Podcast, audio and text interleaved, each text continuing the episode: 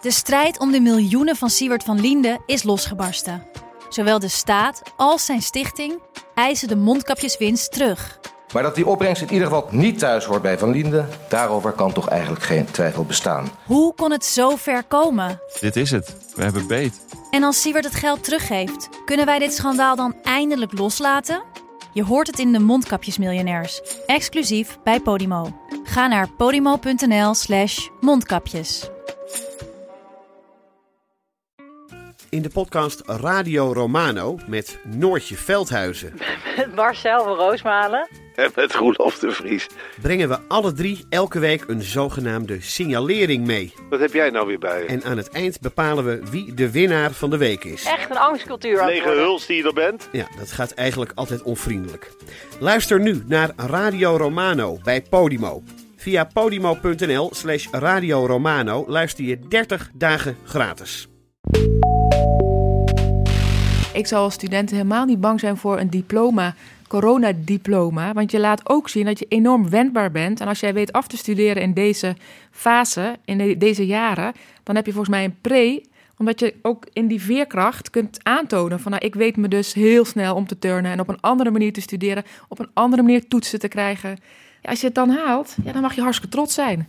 Dus ik zie dat niet als een coronadiploma. Een soort koem corona laude. Ja, nou ja, goed idee. Ik denk dat we wel geleerd hebben van de financiële crisis eh, en toen veel te hard bezuinigd hebben, waardoor Nederland eigenlijk vrij langzaam pas uit eh, die eh, recessie is gekomen. Ik hoop dat nu de politici slim genoeg zijn om inderdaad flink te investeren in eh, met name de kenniseconomie, om de groei aan te jagen. Want als er één ding nodig zal zijn de komende jaren na de recessie, is natuurlijk economische groei.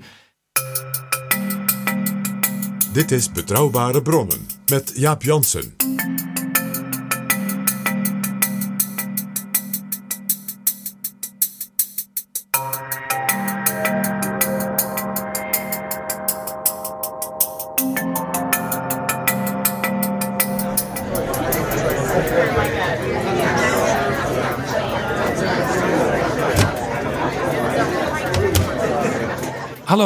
Welkom in Betrouwbare Bronnen aflevering 108. En welkom ook in het virtuele VSNU-café. Want door de coronacrisis kan het café van de Vereniging van Universiteiten niet plaatsvinden op de gewone wijze. In een café of op een universiteit met gasten en een volle zaal belangstellenden. Dus doen we het zo. Pieter Duisenberg, voorzitter van de VSNU, welkom. Dankjewel. Een VSNU-café als podcast. Ja, ik had eh, eer- eerlijk gezegd liever in het café gezeten om, eh, om, de, om deze opname te maken. Eh, maar ja, we moeten aanpassen, dus eh, ook dit. We nemen het op in Eindhoven in de bestuurskamer van het College van Bestuur van de Technische Universiteit. Dank voor de gastvrijheid en welkom Robert-Jan Smits, collegevoorzitter van de TU Eindhoven. Welkom. En welkom ook, en niet in de laatste plaats, Rianne Letchert, sinds een kleine vier jaar rector magnificus van de Universiteit Maastricht. Dankjewel. En ook de gast, Pieter Gerrit Kroeger, PG, die jarenlang hoofdredacteur was van Science Guide, de website voor iedereen die iets heeft met de kennissector, universiteiten en hogescholen. Dag Jaap. Een soort café dus, maar uiteraard op gepaste afstand van elkaar aan die grote bestuurstafel in Eindhoven. Het thema van dit Betrouwbare Bronnen VSNU-café is de universiteit en de coronacrisis. En ook de universiteit na de coronacrisis. En we gaan straks ook nog schakelen met enkele studenten over hoe zij deze periode ervaren. Want in een café heb je natuurlijk ook altijd nog wel wat vragen uit het publiek. Dit is Betrouwbare Bronnen. Pieter Duisenberg. Op een gegeven moment werden de universiteiten en ook de Vereniging van Universiteiten geconfronteerd met de coronacrisis. Wanneer was dat? Ja, dat was eh, eigenlijk een soort aanloop eh, vanaf begin maart. Dus toen eh, begon het kabinet en ook eh, wij als onderwijsinstellingen, dus niet alleen de universiteiten, maar natuurlijk ook eh, de hogescholen, het MBO, het voortgezet onderwijs en de basisscholen. Toen wisten ze in China al twee maanden dat het erg was. Ja, en dus langzaamaan zag je dat ook onze kant opkomen en begonnen wij ons voor te bereiden. Binnen de universiteiten werd er al langer over gesproken tussen de eh, integrale veiligheidsmensen, zoals dat dan heet. Die hebben met elkaar regelmatig contact. Dus die waren al scenario's aan het maken. En dat betekent ook dat wij toen half maart uiteindelijk ook dat het kabinet dat besloot dat wij ook zijn geraadpleegd uh, van wat wij vonden. En toen hebben wij zelf ook geadviseerd van uh, je moet nu naar een andere, andere situatie toe en verdergaande maatregelen nemen dan tot nog toe is gebeurd. Ja, u zegt er werden scenario's gemaakt. Dat betekent dus, dus dat eigenlijk in eigen kring al werd nagegaan. Wat kan straks niet meer en wat kan misschien nog wel? Ja, ja, dat klopt. Wij wilden als uh, universiteiten, hebben wij ook eigenlijk hebben wij gezegd, en dat is ook in, in, in samenspraak gegaan met het kabinet. Natuurlijk, het RIVM is, uh, is leidend. Dus, maar je kunt van de lokale situatie kun je, kun je natuurlijk zeggen van, van wat, wat werkt wel en wat werkt, wat werkt niet. En wij stonden uiteindelijk ook dus helemaal achter het kabinetsbesluit om uh, te, te, zeggen dat het uh, onderwijs, het fysieke onderwijs, dat dat uh, niet meer op de campus kon. En dat Ja. we dat dus moesten omgaan, gaan omzetten naar onderwijs op afstand. En ik zei al, in China wisten ze al een maand of twee dat er waarschijnlijk toch wel iets ernstigs aan de hand was. Kwamen er misschien binnen de universitaire wereld ook al signalen van, weten we eigenlijk wel wat dit betekent? Nog niet van besmettingen in die zin. Maar wel van signalen dat, uh, dat het helemaal niet uitgesloten is dat het onze kant uh, opkwam. Dus, dus ik denk dat we daar misschien ook wel somberder in waren dan, uh, dan, dan de opinie van dat moment. Dus wij waren ja, redelijk goed gewaarschuwd en, en voorbereid. Ja, zodat toen, toen die beslissing werd genomen, dat was half maart. Ik, ik weet niet dat ik op, op een zondag op het ministerie van OCW werd, werd uitgenodigd. En de volgende ochtend om acht uur hadden wij met alle voorzitters van de universiteit hadden we ons eerste crisisberaad. En gingen ook de eerste colleges al online. Dus daar bent u beide ook, uh, Rianne Letchert van de Universiteit Maastricht en uh, Robert-Jan Smit van de Universiteit Eindhoven, bij betrokken bij zo'n besluitvormingsproces. Ja, zeker. Nee, uh, in, de, in de afstemming voordat dat besluit die donderdagavond door het kabinet werd afgekondigd. Uh, dat was vrij uh, radicaal toen ook. Hè? Want ik weet nog goed dat ik met het college van bestuur in een restaurantje zat. waarbij we toen nog de veronderstelling hadden dat alle hoorcolleges online moesten. Dus de grote, massale bijeenkomsten. Maar dat we wel kleinschalig onderwijs konden blijven geven. Dus daar waren we eigenlijk een beetje op voorbereid. En toen s'avonds bleek Nee, alles. Het gaat gewoon in die zin dicht. Als in, het moet nou op afstand. En toen hebben we wel even achter onze oren gekrapt van. Oké, okay, en dat moest ook vanaf vrijdag. Dus dat was, hè, dat was natuurlijk voor heel veel universiteiten een vrij grote uitdaging om in een avond uh, dat aan te kunnen bieden. Ja, dat, dat is wel een. Uh, ja, in ja. de hele scenarioontwikkeling iets waar we mee bezig Nou, gebeurt waren. natuurlijk ook. Uh, Pieter Duisberg vertelde dat een beetje in een soort polderachtige sfeer. Hè. De universiteit is, is een van de organisaties die dan geraadpleegd wordt vanuit de regering. Maar als ik u goed versta, kwam het toch een beetje rauw op het dak. Ja, maar misschien is, kan je, heeft Pieter dat anders beleefd. Maar van zeg maar de, de massale evenementen en hoorcolleges niet meer doen tot helemaal niet meer. Dat was voor ons college van bestuur toch wel ergens een, uh, een, een ja, in die zin toch wel een verrassing. Ja, ik kan het niet anders zeggen. Ja, Robert-Jan? Ja, ik denk, Rianne zegt het heel duidelijk. Dat is denk ik voor iedereen een verrassing. En voor ons ook hier op de universiteit. Hè? Want uh, zo'n maatregel moet dan genomen worden.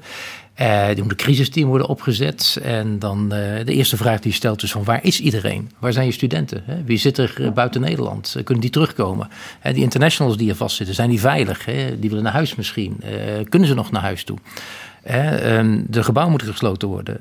Wat doen we met de bibliotheek bijvoorbeeld? Toch een veilige plek voor studenten die geen werkplek hebben thuis om te studeren. Gaan we dat sluiten? Gaan we dat niet sluiten?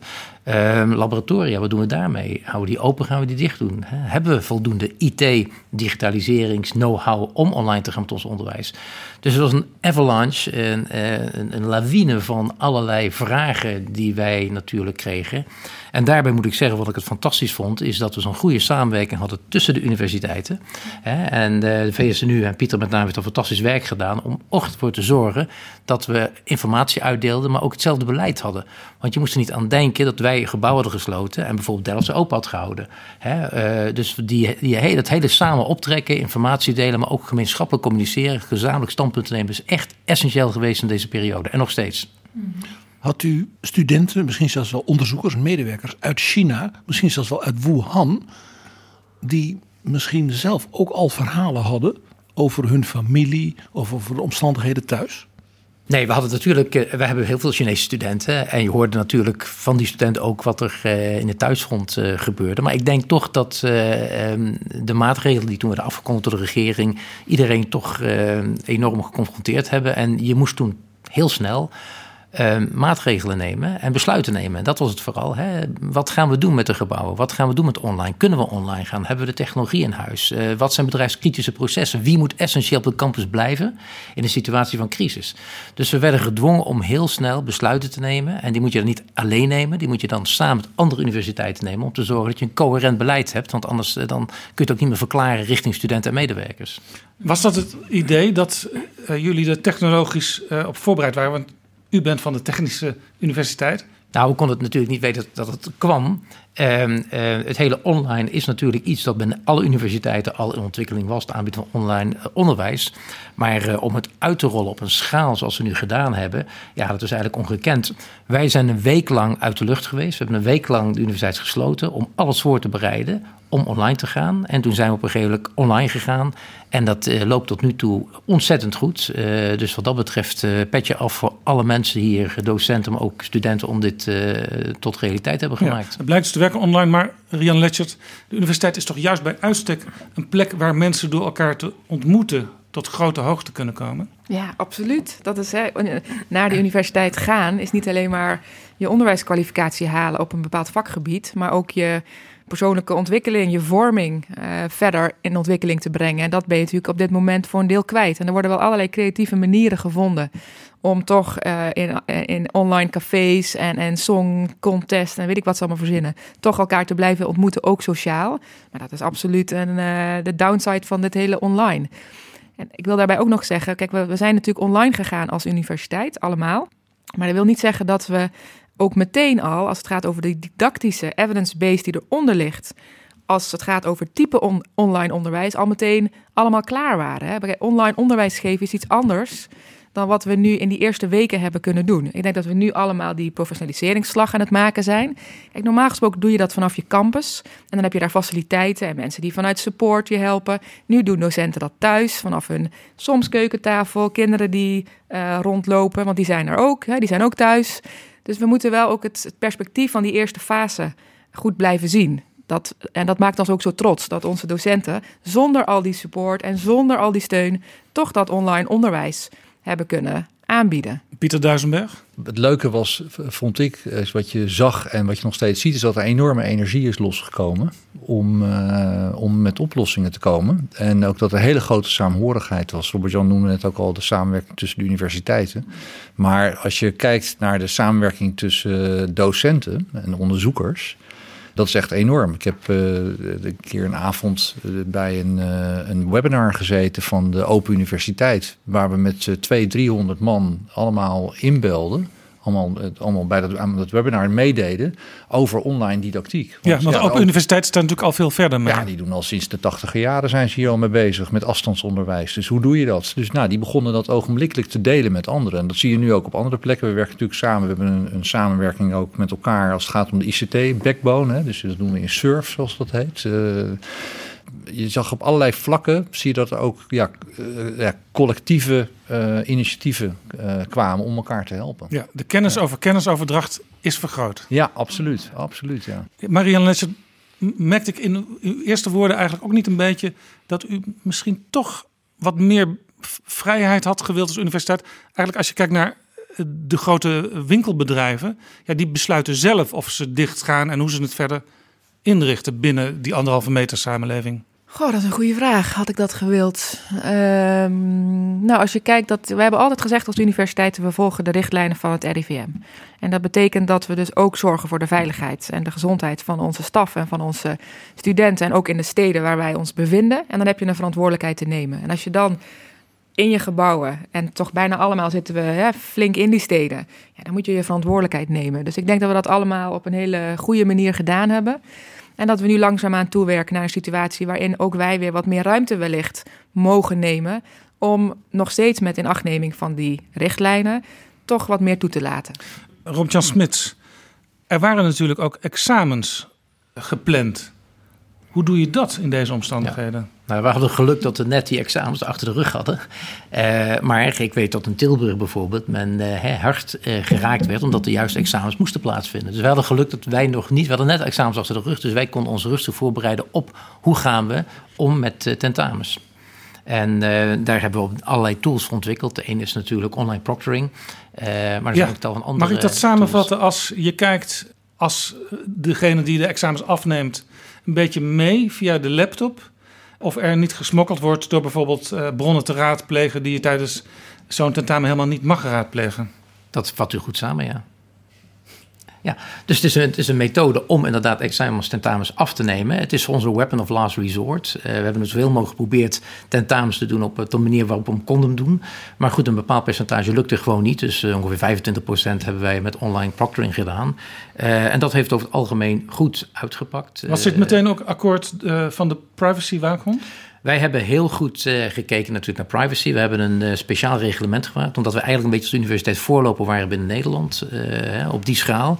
Dus hebben we echt een gedegen reglement gemaakt, we heel veel aandacht besteden aan privacy en vragen beeldmateriaal van wie is dat toegankelijk, waar wordt dat bewaard, hoe, wanneer wordt dat vernietigd. Dus wat dat betreft hebben we daar een heel gedegen protocol voor gemaakt. Dat hebben we besproken met de universiteitsraad, met de medezeggenschap. En dat is uiteindelijk uh, goedgekeurd. Uh, maar nogmaals, het is voor ons een, was een noodgreep omdat we iets moesten doen om toch die tentaminering door te laten gaan. Ook om ons rooster vast te houden. Want anders dan gaat dingen verschuiven. En dan moet je bijvoorbeeld de hele zomervakantie doorwerken. En ik denk dat weinig studenten daarop hadden zitten te wachten. Dat meekijken bij uh, tentamens, doen jullie dat in Maastricht ook? Ja. Ja, we hebben uiteindelijk voor drie faculteiten dezelfde keuze moeten maken als Robert-Jan hier. Uh, omdat daar de alternatieven die onderzocht werden gewoon niet haalbaar bleken voor die grootschalige groepen. En voor de type vakken die getentamineerd moeten worden, want daar heeft het met name mee te maken. Ja, dan krijg je dus een hele uh, ja, intense discussie met de medezeggenschap. Ook in dit geval met drie faculteiten. Omdat je te maken hebt met botsende belangen. Uh, aan de ene kant wil je proberen studievertraging te voorkomen. Aan de andere kant ben je natuurlijk ook bewust van de gevoelens bij sommige studenten rondom privacy schending. Dus daar moet je ook met elkaar zorgvuldig over hebben. Maar aan de andere kant, ja, ook bij ons hebben de studentengeledingen gezegd: ja, wij vinden nu het belang van de, uh, onze studie te kunnen afronden voorgaan. En wij gaan ervan uit dat de waarborgen om die privacy te beschermen, dat jullie die voldoende afgehecht hebben. Ja, ik vind dit ook in onze bestuurlijke periode in deze tijd een van de misschien lastigste dilemma's binnen de onderwijsdidactiek omdat je aan de ene kant ook wel hoort van ja, maar dan geef je toch een ander, een ander tentamen en een boektentamen. Ja, dat kan dus niet overal. Ja, dan is dit de uitkomst. Ja. Want het eerste woord wat ik hoorde in de discussies onder studenten was studievertraging. Ja, dat is natuurlijk wat ze absoluut niet willen. En ik denk dat wij met z'n allen ook daar een verantwoordelijkheid in hebben om te zorgen dat studenten dit jaar kunnen afstuderen. En, en dat is misschien even naar de staf toe geredeneerd, uiteindelijk gun ik ook onze staf in de zomer even een break ook om zich voor te bereiden op wellicht toch een wat grillig nieuw academisch jaar. En anders ga je ook van hen vragen om de hele zomer door te werken. Om die tentamens af te nemen on campus, als dat al mag. Dat, dat, zelfs dat is nog voor onze sector nog steeds niet duidelijk. Dus ja, dit is misschien uit alle opties is dit de optie die je dan ook echt wel moet gaan. Dus er is wel een zomervakantie dit jaar. Ja, ik, ik ga echt keihard alles eraan doen. En dat geldt denk ik voor jou in deze instelling. Om absoluut die zomervakantie aan studenten en staf te kunnen geven. Robert-Jan Smits? Ja, misschien even toevoegen dat we ook heel blij kunnen zijn met de constructieve houding van de medezeggenschap. Ja. Dat geldt bijna voor alle universiteiten. En Pieter heeft ook op landelijk niveau uh, daar afspraken uh, over gemaakt. Uh, een hele constructieve houding om in een moeilijke periode ervoor te zorgen dat we toch besluiten konden nemen. Moeilijke besluiten om de onderwijsvoortgang te laten vinden. Dus dat moet zeker genoemd worden hoe constructief de medezeggenschap is in deze periode. Ja. PG? Interessant. Hier zie je dus dat je in een noodsituatie rotdingen moet doen. Waarbij je ook nog technologische uitdagingen hebt. En dat je daar blijkbaar bij u, per universiteit weer zo je eigen lessen trekt. Ik neem aan dat jullie die, die lessen nu ook weer met elkaar, maar ook met die medezeggenschap, ook van andere instellingen weer delen. Ja, nou gaat verder dan delen. Want dat zou je misschien dan achteraf doen. Dat doen we ook. Uh, al onze uh, bestuurders hebben een wekelijks overleg met de bestuurders van de andere universiteit. Dus Robert Jan in zijn bloedgroep en ik in mijn bloedgroep. Die van mij is natuurlijk absoluut het leukste. Uh, dat is en met de rectoren. En uh, Pieter die moet zich altijd splitsen. In, uh, dus je hebt een, de voorzitters over, komen bij elkaar, de rectoren ah. en de vicevoorzitters in, in een online overleg. Hè. Dat doen we, in het begin deden we dat zelfs twee keer per week, nu één keer per week. En dan aan de voorkant, als je worstelt met bepaalde keuzes en dilemma's, onder andere on- online proctoring heb ik heel veel gehad aan de ervaringen aan de TU. En dan bel je elkaar, dan app je elkaar en in het grote overleg deel je. En ook daarna deel je weer van, nou, dit is er bij ons gebeurd, herken je het? Dat geldt trouwens niet alleen voor ons, maar ook de hele ambtelijke staf daarachter. Die hebben continu contact met elkaar. Want je gaat natuurlijk niet het wiel elke keer opnieuw willen uitvinden. En Pieter mag overal goed. bij zitten. Pieter, heeft geluk. Die mag overal bij. Nee, wij als, als eh VSNU eh, coördineren wij dus ook veel van de landelijke standpunten. Eh, dus wij hebben ook met elkaar, hebben we, ja, zoals natuurlijk veel organisaties nu op dit moment bezig zijn, hebben we gewoon een hele lange issue-lijst met, met onderwerpen, onderwijs, onderzoek, eh et cetera. Hoeveel mensen werken er bij de VSNU? Eh 30. Zoveel? Zo weinig. Ja. zo weinig als ik het vergelijk met anderen. Maar het is, hangt een beetje vanaf wat je doet. Hè? Dus, eh, dus je doet eh, zaken, dus je doet natuurlijk alle zaken op het gebied van de CAO. Dus heel veel arbeidsrechtelijke zaken. Je doet eh, zaken op het gebied van onderwijs, onderzoek, eh, de valorisatie. Eh, dat, is wat- dat is wat het bureau. eh, En u doet. bent ook, Ja. we hadden het straks al over polderen, u bent ook een lobbyclub. U, zit ook, u bent ook gevestigd om de hoek bij het Binnenhof. Ja, wij zitten op de Lange Houtstraat, vlakbij het, vlakbij het plein. Ik denk wel dat mijn activiteiten of onze activiteiten bestaan voor nou, 80% uit gezamenlijke projecten die, eh, die de universiteiten samen doen. Dus dat heeft eigenlijk niks te maken met de, de Kamer of met de, met de politiek. Maar er wordt heel veel samengewerkt als het gaat eh, om eh, nou, bijvoorbeeld de gezamenlijke digitale agenda of om een versnellingsagenda voor, voor onderwijsinnovatie. Eh, zo zijn er een tachtigtal verschillende projecten die er eh, gezamenlijk worden gedaan. En dan een bepaald deel van de tijd gaat het ook om belangenbehartiging en het zijn van de stem namens de universiteiten. Ja. In een café zou ik nu zeggen, er is een vraag uit de zaal. En er is ook een vraag, maar die gaat natuurlijk via het scherm.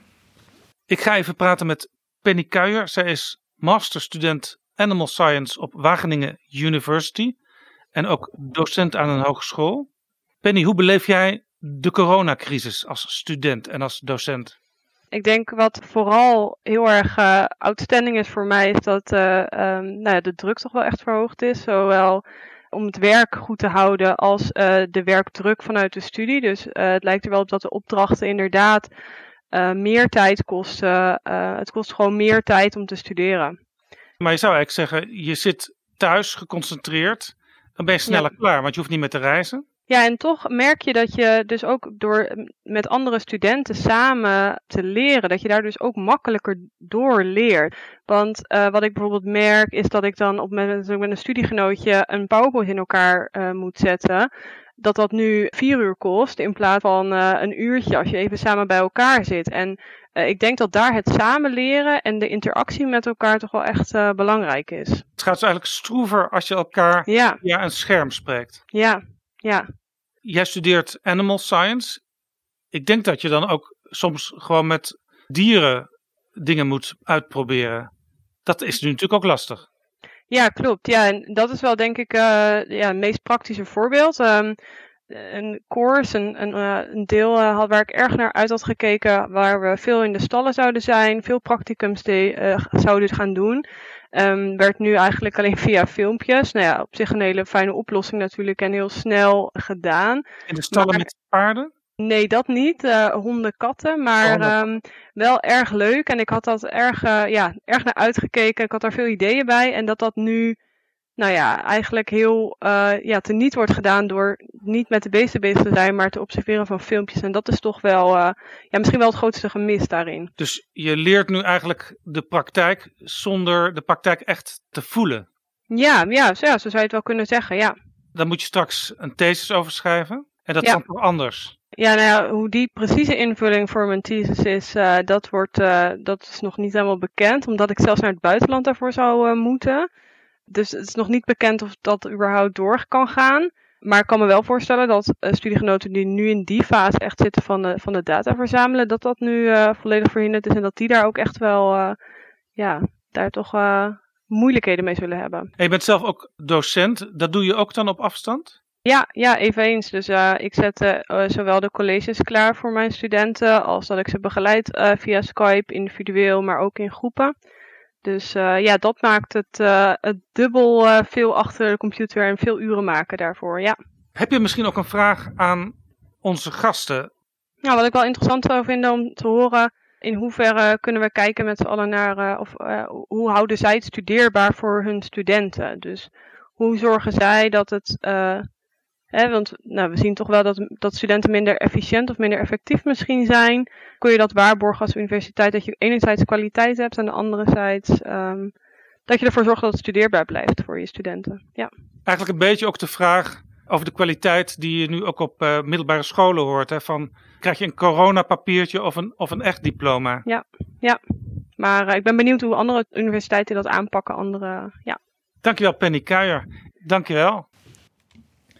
Dat was Penny Kuijer van de Universiteit Wageningen. Haar vraag is, hoe hou je de kwaliteit vast? Ja, dat is een gigantische uitdaging. Wij hebben Um, een enquête gedaan onder onze studenten, uh, wat zij vonden van het online onderwijs. En uh, over het algemeen, gezien de omstandigheden, toch zeer positief. Uh, ze hebben wel gezegd van zorgen dat er meer interactie kan zijn tussen docent en student. Tweede plaats wat ze noemden is, hou het wat, maak het erg interactief, het onderwijs. Hè. Laat ons niet urenlang naar opgenomen colleges kijken. Hè. Dat is gewoon killing. Hè. Dus veel klikken naar allerlei filmpjes en, en, en maak het vrij interactief.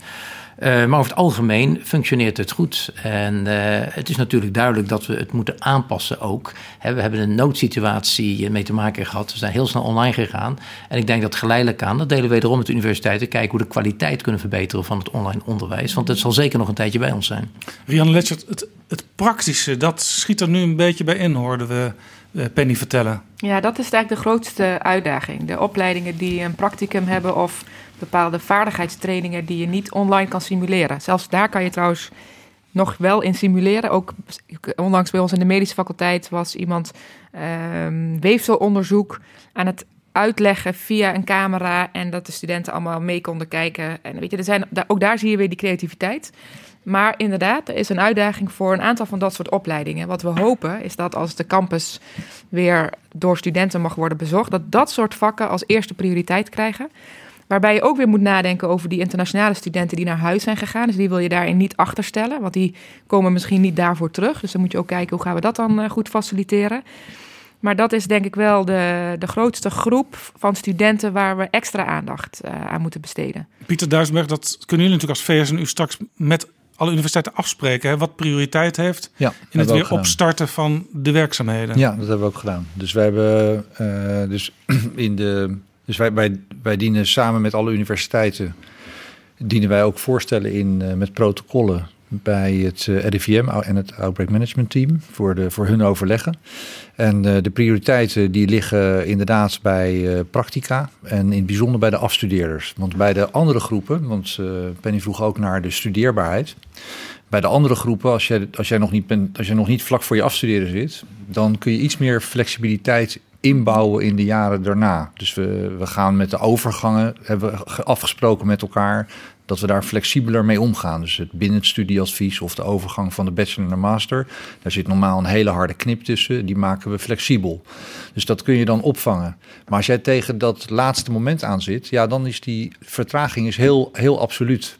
Dus met name die afstudeerder en die practica, dat is onze prioriteitsgroep als het weer versoepeld zou worden. Rianne? Absoluut waar. En even nog over dat uh, punt van die studeerbaarheid. Wat ik ook terugzie uit de online enquêtes die wij hebben gedaan en ook vanuit studenteninput, wat bij ons op tafel komt, is dat studenten in heel veel van die uh, interactieve werkgroepen die nou online zijn, veel meer aanwezig zijn dan als het offline is. En waarom is dat? Omdat zij ook behoefte hebben aan contact. En nu heel veel zien wegvallen.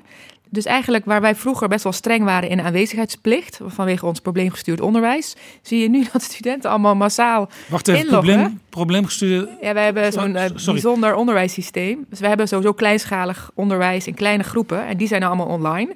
En de studenten willen heel graag in die, dat is met 15 studenten altijd, willen daarbij aansluiten. Want dan hebben ze weer contact op zo'n dag. In plaats van dat ze allemaal altijd maar in hun eentje in die online omgeving verkeren. Het paradoxale is dus dat sommige studenten en docenten, hoogleraren elkaar nu vaker zien. Ja, nou ja, in ieder geval dat diegenen die wellicht wat minder automatisch kwamen, nu de behoefte voelen om absoluut wel in die inlogmomenten er te zijn. PG? Het verhaal van Penny, die ook nog een HBO-docent is, is daarom ook zo fascinerend. Want hier zie je dus dat dus de allereerste fundamentele prioriteit bij de studenten, zowel bij het MBO, bij het HBO, als de universitaire studenten en zelfs dus de afstudeerders in de universitaire studenten in de masters, dat dat dezelfde is. Namelijk, hoe kan ik het reëel doen wat ik gestudeerd heb, in de praktijk met anderen laten zien dat ik dat echt kan? Want dat is in feite natuurlijk het vraagstuk van, ja, is dat coronapapiertje wel wat waard? Namelijk, heb ik echt kunnen laten zien dat ik het waard ben? Het is heel grappig. MBO, HBO, WO. Voor die studenten is dit dus blijkbaar het centrale punt. Dat hoor je voortdurend overal. Maar ik zou als student helemaal niet bang zijn voor een diploma, coronadiploma. Want je laat ook zien dat je enorm wendbaar bent. En als jij weet af te studeren in deze fase, in deze jaren, dan heb je volgens mij een pre omdat je ook in die veerkracht kunt aantonen van nou, ik weet me dus heel snel om te turnen en op een andere manier te studeren, op een andere manier toetsen te krijgen. Ook dat is, hè, voor een deel krijg je hele andere toetsen dan wat je aan het begin van je studie dacht te krijgen. Ja, als je het dan haalt, ja, dan mag je hartstikke trots zijn. Dus ik zie dat niet als een corona-diploma. Een soort cum corona-laude. Ja, nou, ja. Goed idee. Allemaal, we geven het allemaal. Robert-Jan. Nee, Rianne, je zegt het precies. Het is, uh, hè, wij geven nog steeds topkwaliteit onderwijs. Uh, wij respecteren het, het, schema, het rooster dat we uh, gepland hadden. We vinden creatieve oplossingen voor het werk dat in het labs moet gebeuren. We hebben Remote Lab, hè. moet je eens intikken, googlen. Het is echt, dat we heel veel dingen kunnen ook toch remote gebeuren. laboefeningen.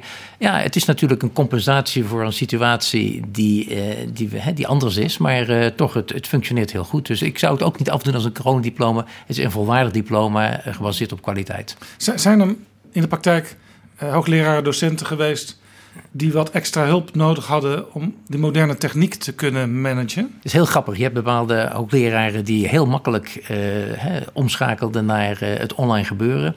Maar je had er ook bij die zeggen van, oh, hè, uh, film mij voor het bord met een krijtje en, en, en zet het daarna op het web. Dus we hebben heel veel tijd gestopt en nog steeds in het ondersteunen van de, de hoogleraren om te kijken hoe men op de meest attractieve manier onderwijs kan geven, zodat het ook attractief blijft voor de studenten en ook voor zeg maar, de docenten te doen is. Want dat is natuurlijk ook een punt. Het fijnste is natuurlijk als het, als het live gebeurt. Als je ook echt als je een vraag hebt, een vraag kunt stellen. Ja, nee, maar dat is nogmaals, uh, dat is het ideaal. En het ideaal is natuurlijk hoge kwaliteit als perfect. En daar werken we geleidelijk aan naartoe. Uh, door ook informatie met elkaar te delen, zoals Pieter en Rian al zeiden. Dus uh, dat, dat, dat gaat er aankomen. Maar je moet ook te maken hebben met bepaalde docenten die niet gewend waren om online te werken. Nou, die mensen hebben toch een hele grote verandering door moeten gaan op vrij korte termijn. Nou ja, en ik, als, ik, als ik mag, ik vind ook dat we de studenten, en dat, die discussies heb ik in ieder geval met mijn medezeggenschap mogen voorhouden dat hoe we ook ons best doen om het enorm goed te doen met elkaar, dat niet betekent dat het altijd even goed uitpakt per definitie. We zitten in een crisis. En die crisis is er ook voor ons en die is er ook voor onze medewerkers. En die hebben zorgen wellicht om zorgtaken, om gezondheidsissues. Geldt ook voor onze studenten. En je moet wel begrip voor elkaar hebben in die situatie. Dus als de ene docent net even wat beter doet dan de ander, ja, dat hoort ook bij het leven. Ja, en ja want een van de dingen waar, waar iedereen mee te maken heeft, of bijna iedereen, is de kinderen thuis. Docenten natuurlijk, maar sommige oudere studenten ook. Daar moet je ineens ook iets mee. Dus je hebt toch minder tijd om volledig aan die studie te geven. Absoluut. Uh, nou, aan die studie en andersom de docent aan zijn of haar werk. En ik vind dat nog heel knap wat ik zie, wat er aan output uh, wordt geleverd in een werkdag die totaal op zijn kop staat. Want waar je voorheen heel graag thuis werkt, in ieder geval, ik heb het ooit uh, fijn gevonden, uh, is het nu natuurlijk niet meer zo fijn. Want je zit de hele dagen naar zo'n scherm te kijken met inderdaad kinderen die thuisonderwijs nodig hebben. Dat is niet zoals je vroeger thuis werkte. En ja. ook mentaal, dat hoor ik van iedereen terug is het zoomen en life science en weet ik wat we allemaal doen, men, veel vermoeiender dan de variëteit die je normaal in ja. de dag hebt. Ja, ik hoop bijvoorbeeld ouders van jong kinderen die vaak klein behuisd zijn, die dan afspraak hebben: jij mag 's ochtends in de werkkamer, ik mag 's middags in de werkkamer. En dan op dat andere tijdsvak doet de ander de kinderen. Ja, en dan ga je er dus vanuit dat mensen allemaal werkkamers hebben. Ja, wat al iets, iets is. Ja. Wat ook niet ja. is.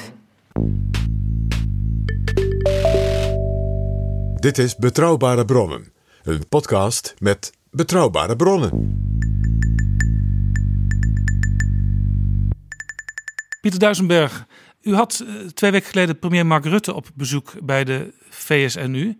Ik zei al, dat is om de hoek uh, bij het Binnenhof, dus dat is makkelijk. Ik zag een foto van de premier die met u naar een scherm zat te kijken. Wat gebeurde daar? Ja, we werden vereerd door een uh, bezoek van de, van de premier. Hij heeft twee colleges uh, gevolgd. Eerst eentje in uh, Maastricht. En is hij dus in een, uh, in een college is hij, heeft hij ingebroken, zoals hij dat zelf zei. en daarna in Groningen. Dus ik denk dat dit het nou, binnen een uur, dit was het snelste werkbezoek wat hij ooit gedaan heeft, denk ik.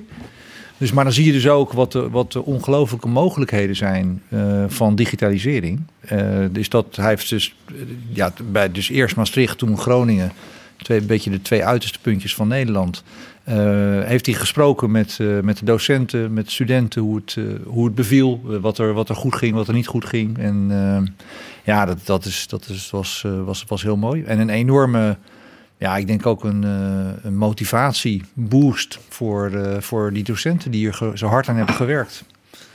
Dus ja, heel blij mee. En wisten die docenten van tevoren dat de premier erbij zou zijn via het scherm?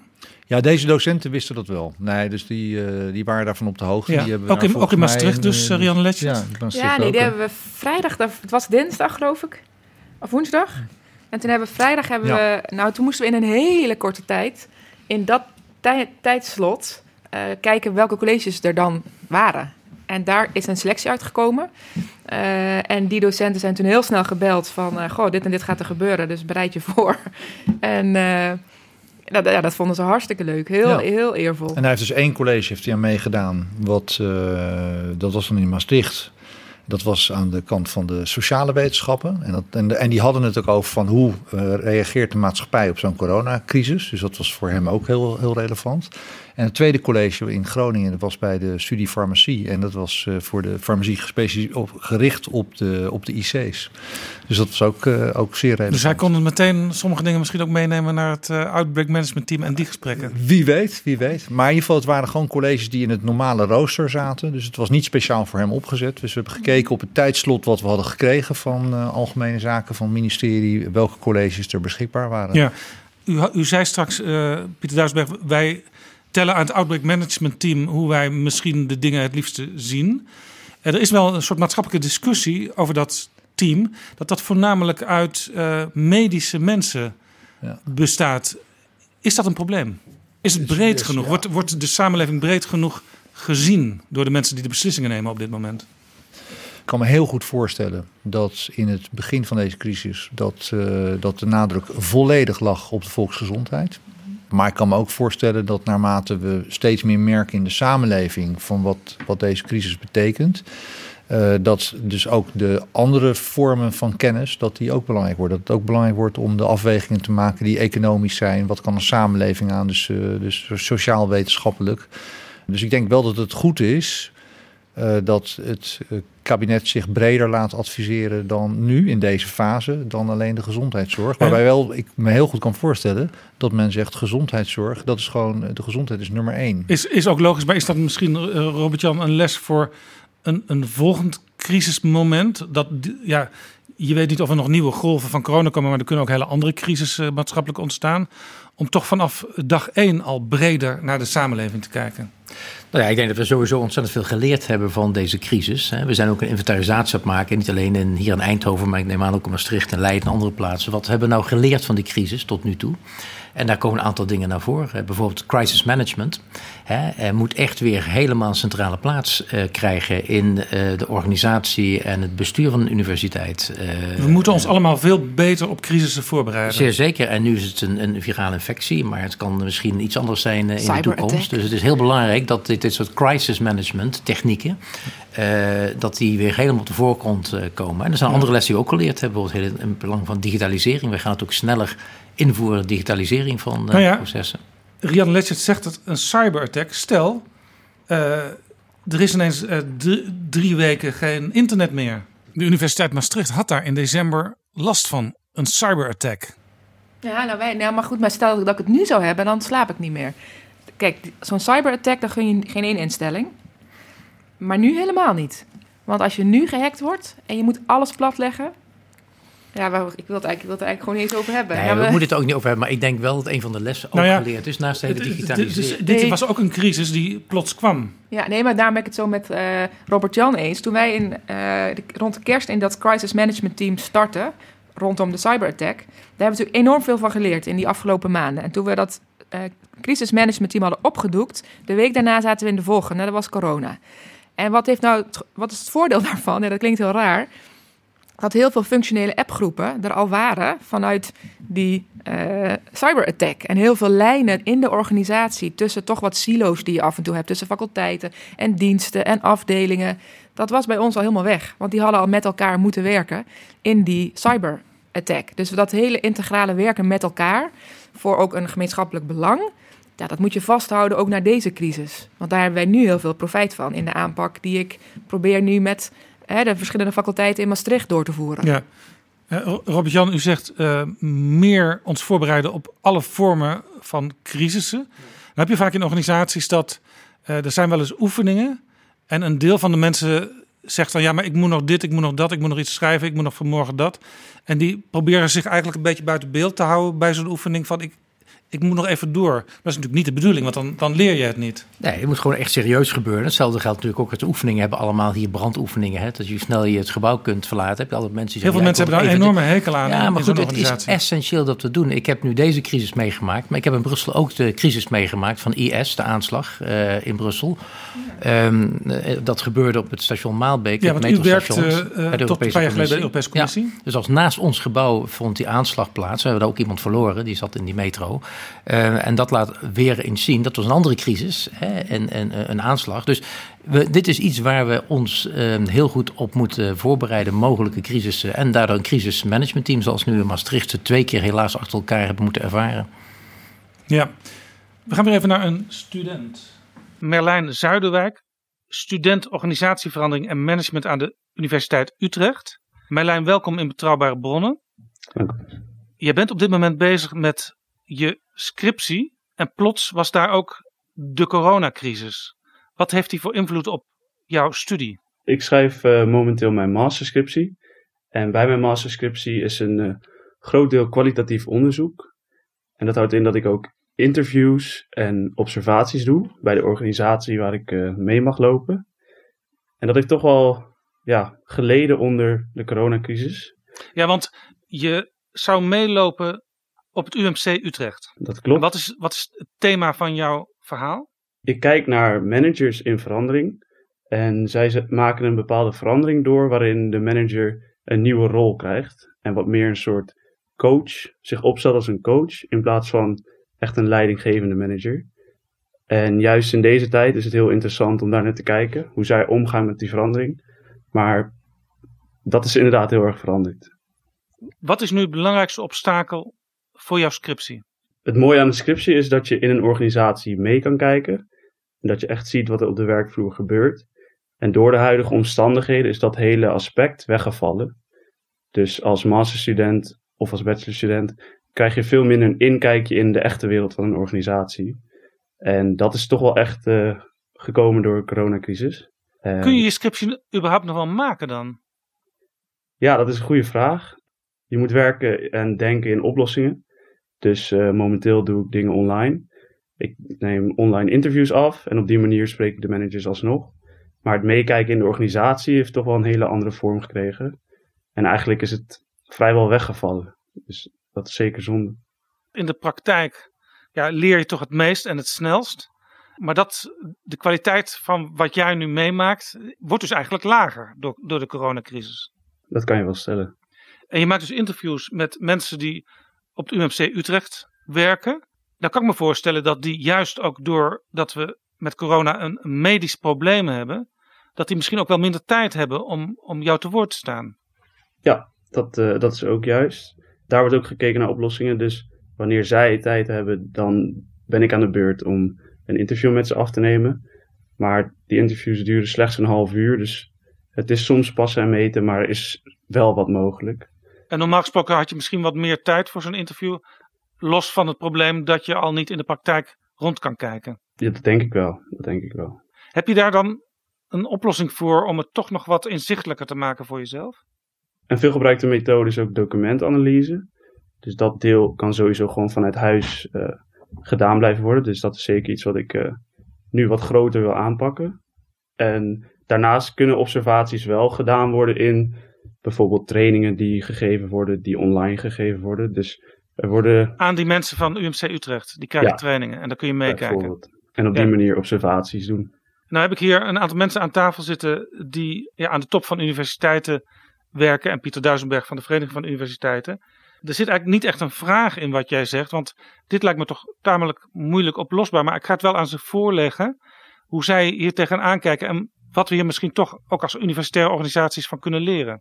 Lijkt me mooi, ja. Nou, dan wil ik je hartelijk danken, Merlijn, voor jouw bijdrage.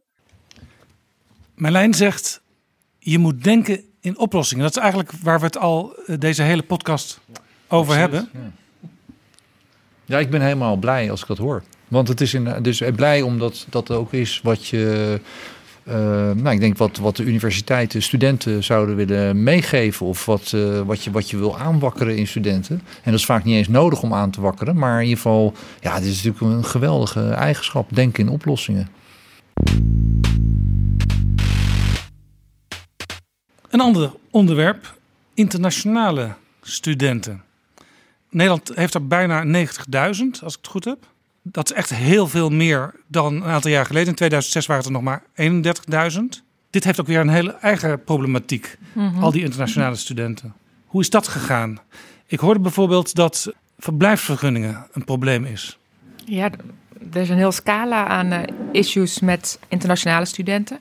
Ook wel afhankelijk van uh, welke regio je vandaan komt. Dus voor de EER-student is het weer anders dan voor de niet-EER-studenten. Europese economische ruimte, dat is zeg maar de nog iets grotere Europese gemeenschap. Precies. Zwitserland zit daarbij, andere Precies. landen. Voor die studenten uh, is het ook qua uh, mogelijkheden die ze hebben om bijvoorbeeld bij uh, DUO, hè, de uitvoeringsorganisatie die nu studenten faciliteert en wellicht een ruimere financiële ja, vergoeding is het niet, het is een lening. Um, dat geldt niet voor de non-EER-studenten. Uh, dat betekent dat je daar bij universiteiten ook allerlei initiatieven ziet ontstaan door middel van bijvoorbeeld noodfondsen om die studenten te accommoderen. Want die zien bijvoorbeeld ook baantjes uh, wegvallen. Dat zijn vaak horecabaantjes die natuurlijk ook allemaal gesloten zijn. Dus die studenten moet je absoluut uh, ja, goed in de gaten houden. Het is ook een deel van de groep die terug naar huis wilde. Die zich zorgen maakte om hun thuisfront en uiteindelijk het vliegtuig hebben gepakt toen dat nog kon. Hè, toen de, de, de vluchtruimtes nog, Ja. de luchtruimtes Er was eigenlijk waren. nauwelijks ruimte om daarover na te denken, want je wist niet of je nog wel kon als je twee Precies. weken zou wachten. Precies. Nou, in, in ons geval in Maastricht zie je dat een deel inderdaad hals over kop vertrokken is. En een ander deel nog steeds nu in Maastricht zit. En allerlei initiatieven probeert te ontplooien om de lokale gemeenschap bij te staan. Door middel van boodschappen doen, door middel van thuisonderwijs mee te faciliteren. Dus daar zie je allemaal verschillende gedragingen. Die natuurlijk ook afhankelijk zijn van de type persoon die je bent en hoe je thuisfront in Ja. elkaar zit. Dus dat kun je niet helemaal over één, eh, één kam scheren, hoe ze zichzelf eh, verhouden tot deze crisis. Wat ik verder zie is, dat noemde net Robert-Jan al, de, eh, de pogingen die we natuurlijk gedaan hebben om onze eigen studenten die in het buitenland zaten terug te halen. Daar hebben we ook met de VSNU gezamenlijk opgetrokken, omdat we daar natuurlijk ook een zorgplicht voelen. En dat geldt niet alleen voor mensen ging studenten, dat? maar ook voor staf. 2000 mensen ging dat? 2000, ja. Ja, je zag minister Blok ook, Stef Blok ook eh, wekenlang bijna kreunend af en toe in beeld komen met, ja, we zijn ermee bezig met het terughalen van onze mensen. Ja. Jan heeft het eh, perfect. De grote vraag is natuurlijk nu, wat gaat er gebeuren met de nieuwe stroom van internationale studenten? Gaan die komen?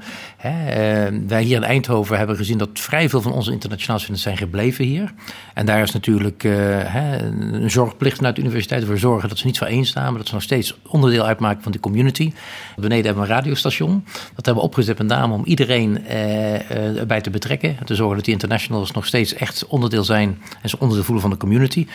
Yes, ladies and gentlemen, welcome back. We have a very special guest on the phone. Who's on the phone?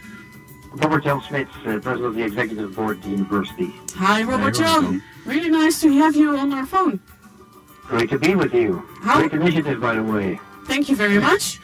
How, how, and uh, thank you for making this possible, although you're maybe not involved in the mic for uh, our studio. Who is on the phone? Hello, hello. Yes, and we're back. And as promised, we have someone of the House of Representatives, so the Tweede Kamer in. Uh, and this is Jan Paternotte from D66. Uh, hello, Jan. Welcome. Hello, good afternoon. Um, how are you doing at this moment? Uh, pretty good considering the fact that uh, I spend a lot of time at home. I think that goes for everyone. So, um, but yeah, uh, I do fine. Who is on the phone? Hello, hello. Yes, and we're back with our uh, guest for today uh, from the Tweede Kamer. Um, it is Niels uh, van der Bergen. Hello, Niels. How are you doing? Hello. Good afternoon. Uh, I'm doing pretty well. How about yourself? Uh, yeah, we're doing fine as well in this uh, in the studio. Where we're enjoying the sun a little bit here. Maar de grote vraag is natuurlijk van wat gaat er gebeuren met de nieuwe uh, stroom van internationals uh, die zich hebben aangemeld, uh, voor aangemeld, gaan die nog wel komen? Dat is natuurlijk de grote vraag nu. Ja, en, en het maakt natuurlijk wel uit per instelling in het hoger onderwijs. Want de Universiteit Maastricht heeft qua percentage toch echt duidelijk meer internationale studenten dan een andere universiteit. En ik denk... Is dat zo groot is dat percentage in Maastricht? Bij ons is het 50 procent. Ook heel veel Duits uh, studenten, hè? Het is Duits, Belgisch, Italiaans, uh, daarbuiten. De grootste groepen zijn wel de regionale studenten. Vanwege de regionale ligging? Precies, vanwege de ligging. Um, maar het is, het is divers. Dus het is voor, voor ons de helft van onze populatie. Ook onze staf is de helft buitenlands. Ook dat brengt problemen met zich mee, want die mogen nou niet van België Maastricht inkomen. Dus dat is voor ons een extra de, maar denk bijvoorbeeld ook eens aan de conservatoria in Nederland, die natuurlijk echt uit de hele wereld studenten hebben en geselecteerd heel streng. En als die niet komen, dan kunnen ze dicht. Nee, en vergeet niet, ik denk één groot voordeel dat wij hebben eh, ten aanzien van Engelse universiteiten, ik begrijp nog steeds een beetje van de Europese context. Wij hebben altijd de internationalisering gezien, en zeker in Eindhoven, eh, om talent aan te trekken vanuit de hele wereld om hier in de regio te werken deze universiteit heeft een hele duidelijke rol voor het uh, brainport, voor het uh, innovatie-ecosysteem. Dus dat was, het was nooit het idee om een moneymaker te zijn. In Engeland is de strategie geweest om die internationalisering te gebruiken om heel veel geld te verdienen. En de Engelse universiteiten die, die hebben een, onlangs een rekening gemaakt dat het waarschijnlijk zo ongeveer 2 miljard gaat kosten het komende academisch jaar. En gebrek aan inkomsten, omdat die internationals niet gaan komen. Uh, dus wat dat betreft ben ik ergens wel blij met ons beleid, dat het altijd gericht is op talentontwikkeling, talent aantrekken talentbehouding in plaats van puur vanuit financieel oogpunt die internationals. De schok is kleiner hier. De schok is kleiner, die zal er zeker zijn, ook financieel. Want vergeet niet, een internationaal student betaalt altijd meer dan een Nederlandse student of een Europese student. Non-ER, precies. Maar uh, het zal minder zwaar wegen dan in Engeland, waar bepaalde faculteiten voor 90% draaien op de inkomsten van, van Chinese studenten. Hoeveel procent is buitenlands in Eindhoven? Bij PhD's is het ongeveer 50 procent, sommige faculteiten 60 procent. Uh, bij masters ligt rond de 25 procent en bachelors heel meer, klein 12, 15 procent. Ja. U zei eerder in dit gesprek, we hebben ook veel uh, Chinese studenten. Was dat ook de groep waar de eerste signalen kwamen van uh, wij willen terug naar huis? Nee, heel, heel erg gemengd. Uh, ik, ik, heb het gevraagd uh, te kijken welke studenten hier nog zijn. Maar vrij veel van onze internationale studenten zijn hier gebleven. En je kunt niet zeggen dat zijn de Chinezen die vertrokken zijn of de studenten uit India. Uh, nee, een vrij groot gedeelte is hier uh, gebleven. Pieter Duisenberg? Nou, dus die, die schok is bij ons uh, veel minder groot als die er gaat komen. Want uh, we moeten nog kijken hoe het zich, uh, hoe het zich gaat uitspelen natuurlijk. maar dus, hè, want in Nederland is gemiddeld, kijk Maastricht is veel hoger, maar gemiddeld is 20% is internationaal aan de, aan de Nederlandse universiteiten. Dat is ook wel wat gemiddeld wat we nastreven zo'n beetje. Zo'n 20, misschien 25 procent als Nederlands gemiddelde. En natuurlijk is zo'n ja, zo'n universiteit als, als Maastricht, die heel centraal ligt in Europa met echt een Europese functie, die zijn natuurlijk uh, internationaler. Dus, maar die schok is bij ons uh, minder groot. Maar wat belangrijk denk ik is, is dat er is juist een richting ingezet op meer internationalisering voor de kwaliteit van het onderwijs in Europa. Dus ook in de Europese begroting uh, is er natuurlijk ingezet op een nou, verdubbeling, misschien wel verdrievoudiging van het Erasmus-programma. En we hebben het niet alleen over studenten die hier naartoe komen, maar ook over studenten die naar het buitenland gaan. Ja, en ik, ik moet er niet aan denken dat we een generatie studenten uh, zouden overslaan. Uh, die niet naar het buitenland gaan. Dus, ik, dus ik, ik, hoop, ik hoop echt zo enorm dat wij aantrekkelijk blijven voor Europeanen, niet-Europeanen. Maar ik hoop ook dat het mogelijk gaat blijven en heel snel mogelijk gaat zijn voor onze studenten om hun ervaring op te gaan doen in Duitsland, in Scandinavië, in Italië, in Spanje. Want dat, ja, dat is iets wat dat is een heel groot goed. Dat wat, wat zijn hier de signalen? Want toen de coronacrisis uitbrak, toen zag je in de Europese Unie dat sommige landen plotseling hun grenzen dicht deden. Dat ging allemaal tamelijk ongecoördineerd tussen de lidstaten. Nu zijn we, komen we aan een nieuwe fase, namelijk weer een aantal dingen opnieuw opstarten. Wat zijn de signalen? Kijk, wat je natuurlijk wel, wel ziet is dat er, uh, dat, dat mijn gevoel is dat er wel meer naar elkaar wordt gekeken. Wij hebben ook internationaal, dus dat, dat bedoel ik het even tussen nationale regeringen, hè, dus, uh, de, dus ons kabinet met, met regeringen in, in, het, in het buitenland. Wij hebben zelf met de internationale organisaties van universiteiten hebben wij veel contact. Uh, en, en, bij, en, en eigenlijk is de instelling van iedereen is om zo snel mogelijk die internationale uitwisseling, om die mogelijk te maken. Kijk, daar zit ook nog bij dat er is ook een enorm initiatief nu geweest om Europese universiteiten op te zetten. Dat is op basis van het initiatief wat ooit door Emmanuel uh, Macron is, uh, is gestart. Zijn nu de eerste Europese universiteiten zijn er, waarbij dus, nou, laat ik zeggen, vier, vijf universiteiten met elkaar een netwerk hebben. En studenten de kans krijgen om semesters bij, op de verschillende universiteiten te kunnen studeren. Ja, dat is een gigantische kans. Ja, dus, dus laten we hopen dat dat gewoon doorgang kan vinden. Robert-Jan Smits, u komt uit tussen aanhalingstekens Europa. U bent jarenlang in de Europese Commissie uh, verantwoordelijk geweest voor het, uh, het onderzoek en innovatiebeleid als directeur-generaal.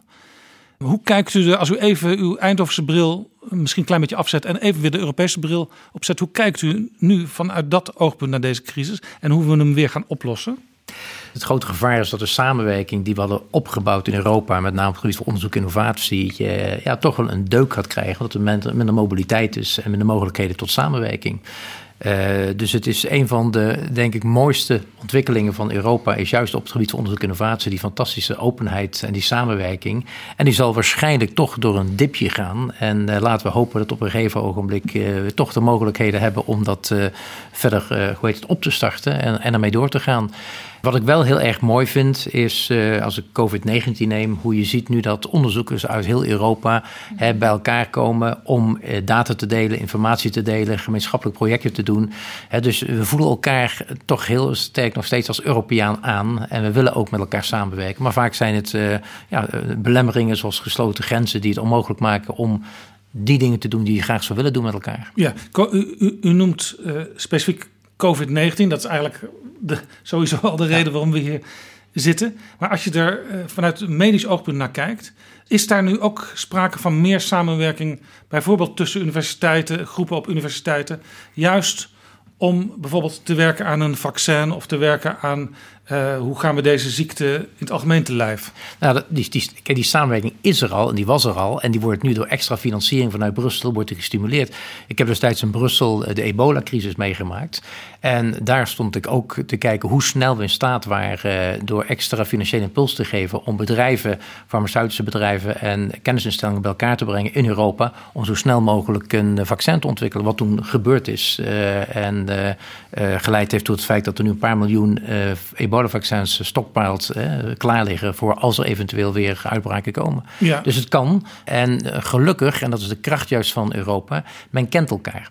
Dus het is niet meer zo dat men elkaar moet vinden of ontdekken. Men kent elkaar in Europa. En als er dan een extra financiële impuls is, dan zie je dat onderzoekers heel snel met bedrijven elkaar vinden om echt dan de extra mile te gaan. Maastricht heeft ook een, een universitair medisch centrum. Ja, Jan Letchert. Klopt. Ja, daar zie je ook die samenwerkingen nu versnellen.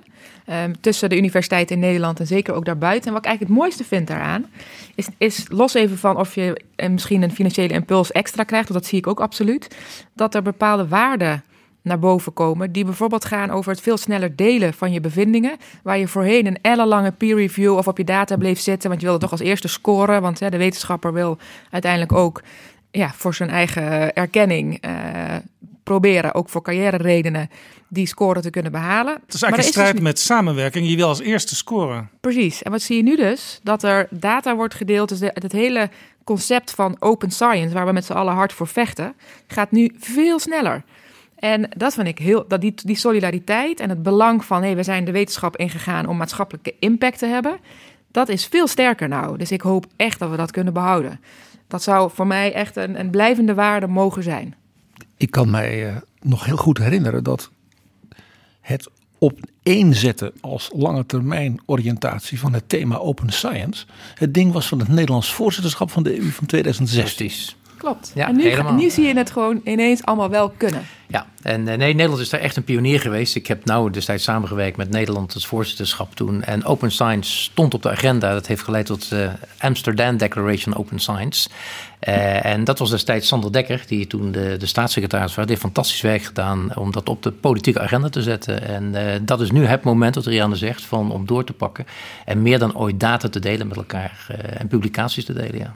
Ik kan me voorstellen dat het soms ook wel wat ingewikkeld is. Pieter Duisenberg, bijvoorbeeld de Rijksuniversiteit Groningen, die werken heel intensief samen ook met, uh, met, Chinese, met een Chinese universiteit. Daar, zijn, daar worden wel eens wat vraagtekens bij gezet, hè? ook door studenten. Van ja, kun je, kun je volledig goed en open samenwerken met een universiteit die ja, toch onder een communistisch regime moet functioneren? Ja, maar samenwerken is. Uh ja, zo'n beetje zit, zit in het. Uh, en openheid zit in het DNA van, uh, van de universiteiten. Dus ik denk dat Groningen daar helemaal geen uitzondering in is. Ik denk dat, uh, dat, dat de grenzen die, die er gevoeld worden in, in geopolitieke discussies, dat die in de wetenschap, dat die ja, wel, wel gevoeld worden. Want uiteindelijk heb je er ook rekenschap van te geven. Heb je ook te kijken naar, de, naar veiligheidsaspecten. Maar het, eerste waar men aan denkt is uh, samen worden we slimmer. Mm -hmm. Dat is, de, dat is de instelling die er is. En eigenlijk de, de basishouding van een wetenschapper, waar die ook ter wereld zich bevindt, is vergelijkbaar met die van een wetenschapper in Nederland. Ja, ik kijk even. Nou ja, naar ik kan de, een, eigen, een voorbeeld uit eigen ervaring uh, vertellen. Krijg ik vast weer allemaal uh, ellende mee, maar uh, dat ben ik. Niet van ons. Ik ben een tijdje, een tijdje terug op werkbezoek geweest naar Saudi-Arabië, waar wij een samenwerking hebben met een medische faculteit. En ik wilde dat zelf zien, want wij kregen daar ook veel vragen, ook vanuit de media. Waarom doen jullie dat? Ik denk, nou, dan ga ik er zelf een keer heen, dan kan ik het uit eigen ervaring terugkoppelen. En het is precies wat Pieter zegt. Wat zie je daar door die uh, wetenschappelijke samenwerking en op onderwijs, want dat is beide, zie je beide instellingen en culturen en wetenschapstradities naar elkaar toe groeien. Je leert ook van die ander. Het is niet altijd zo dat wij het in alles altijd beter weten als het gaat over wetenschap en onderwijs. Dus ik heb daar mijn ogen uitgekeken. We hebben daar inmiddels een, uh, een vrouwenfaculteit mee kunnen opbouwen naast de mannenfaculteit, want dat is gescheiden daar. Maar wat zie je nou? Door die tienjarige samenwerking inmiddels mogen ook de mannen en de vrouwen binnen die faculteit elkaar ontmoeten. Dat was zonder die samenwerking niet geweest. En die meisjes die mogen naar Maastricht komen. Was anders ook niet gebeurd. Dus door educatie probeer je ontwikkeling te stimuleren aan beide kanten. Niet alleen vanuit ons dominant westers geweldig, alles is hier goed. En dat is volgens mij de kracht van educatie en wetenschap. Dus ik blijf daar toch voorstander van, waarbij je niet die regimes hoeft goed te praten. Wat ik uh, wel denk, als, ook als een van de ja, gevolgen van deze crisis, is dat we toch ook binnen Nederland, maar eigenlijk binnen Europa anders gaan denken over, laten we zeggen, geotechnologische verschillen tussen uh, continenten. Dus ik denk dat. Uh, Geotechnologische dus, verschillen. Ja, dus dat, zijn, dus dat is niet, dat niet alleen. Uh, en dat geldt niet alleen voor universiteiten, maar dat geldt voor landen, voor bedrijven. Dat men toch op basis door deze crisis, dat men anders, is gaan, anders gaat nadenken over aanvoerlijnen, over afhankelijkheden tussen, tussen landen, tussen continenten. En dat betekent dat je uh, meer zelfstandigheid zult willen gaan opbouwen. En ik denk dat dat echt een ding is waar Europa heel erg belangrijk in, uh, in, in gaat zijn. Veel belangrijker dan het uh, nu vandaag de dag al is. Om als uh, Europa iets minder afhankelijk te zijn van, van andere continenten, met name van Zuidoost-Azië. Het idee van zelfs mondkapjes, die hebben we eigenlijk niet in Europa. Er waren natuurlijk ook grote problemen uh, met intensive care installaties. Ja, dus, de, dus waar, waar bedrijven, denk ik, uh, als een van de reacties dat, dat, uh, dat, dat hoor je, is dat men inzit over die aanvoerlijnen. Hetzelfde geldt gaat als het om kennis gaat. Je wil gewoon bepaalde kennis, wil je, wil je dus, en ook net zo goed dat je productie hier wilt, hier wilt hebben, in de buurt wil, wilt hebben, wil je ook bepaalde kennis. Daarvan moet je gaan afvragen van, nou, dus wat, wat wil ik hier ontwikkelen? En ik denk dat dat is, dat kan je niet als Nederland alleen alleen. Dat moet je doen uh, met onze bondgenoten in Europa. En vandaar ook het belang waar we het eerder over hadden... van een, uh, een, een sterk kennisbeleid uh, vanuit Brussel. Ja, en ook, Pieter, dus het versnelt misschien de discussie hè, vanwege corona... maar eigenlijk is de discussie lang begonnen. Hè, dat je toch als continent hè, in staat moet zijn op, op een aantal terreinen je eigen broek op te houden. Neem 5G. Ik vind het onvoorstelbaar dat Europa met de kennis niet in staat is om een Project of European Interest of 5G te doen. Dat wij van China afhankelijk moeten zijn om dit uit te rollen, terwijl we alle kennis hebben.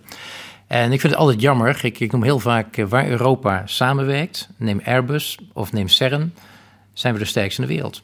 En waarom doen we dat niet op andere terreinen? En ik denk dat dat ook iets is wat waarschijnlijk uh, niet alleen door de coronacrisis nu meer op de agenda komt, maar ook al daarvoor. Want vergeet niet, hè, de strijd tussen Amerika en China over uh, um, hegemonie op het gebied van technologie, uh, heeft er ook al toe geleid dat wij als Europa uh, moeten uitkijken dat we niet ertussenin gaan zitten en straks squeezed worden uh, tussen die twee machtsblokken. Dus wij moeten veel sterker als Europeanen met elkaar werken. En we kunnen het. Want met 7% van de wereldbevolking leveren wij nog altijd 25% van de wereldkennis. Deze Europese Commissie noemt zich een geopolitieke commissie. Dat zijn letterlijk de woorden van Ursula von ja. der Leyen. En een van de invullingen van dat begrip geopolitiek is dus ook dat wij als Europa meer op onszelf moeten kunnen functioneren.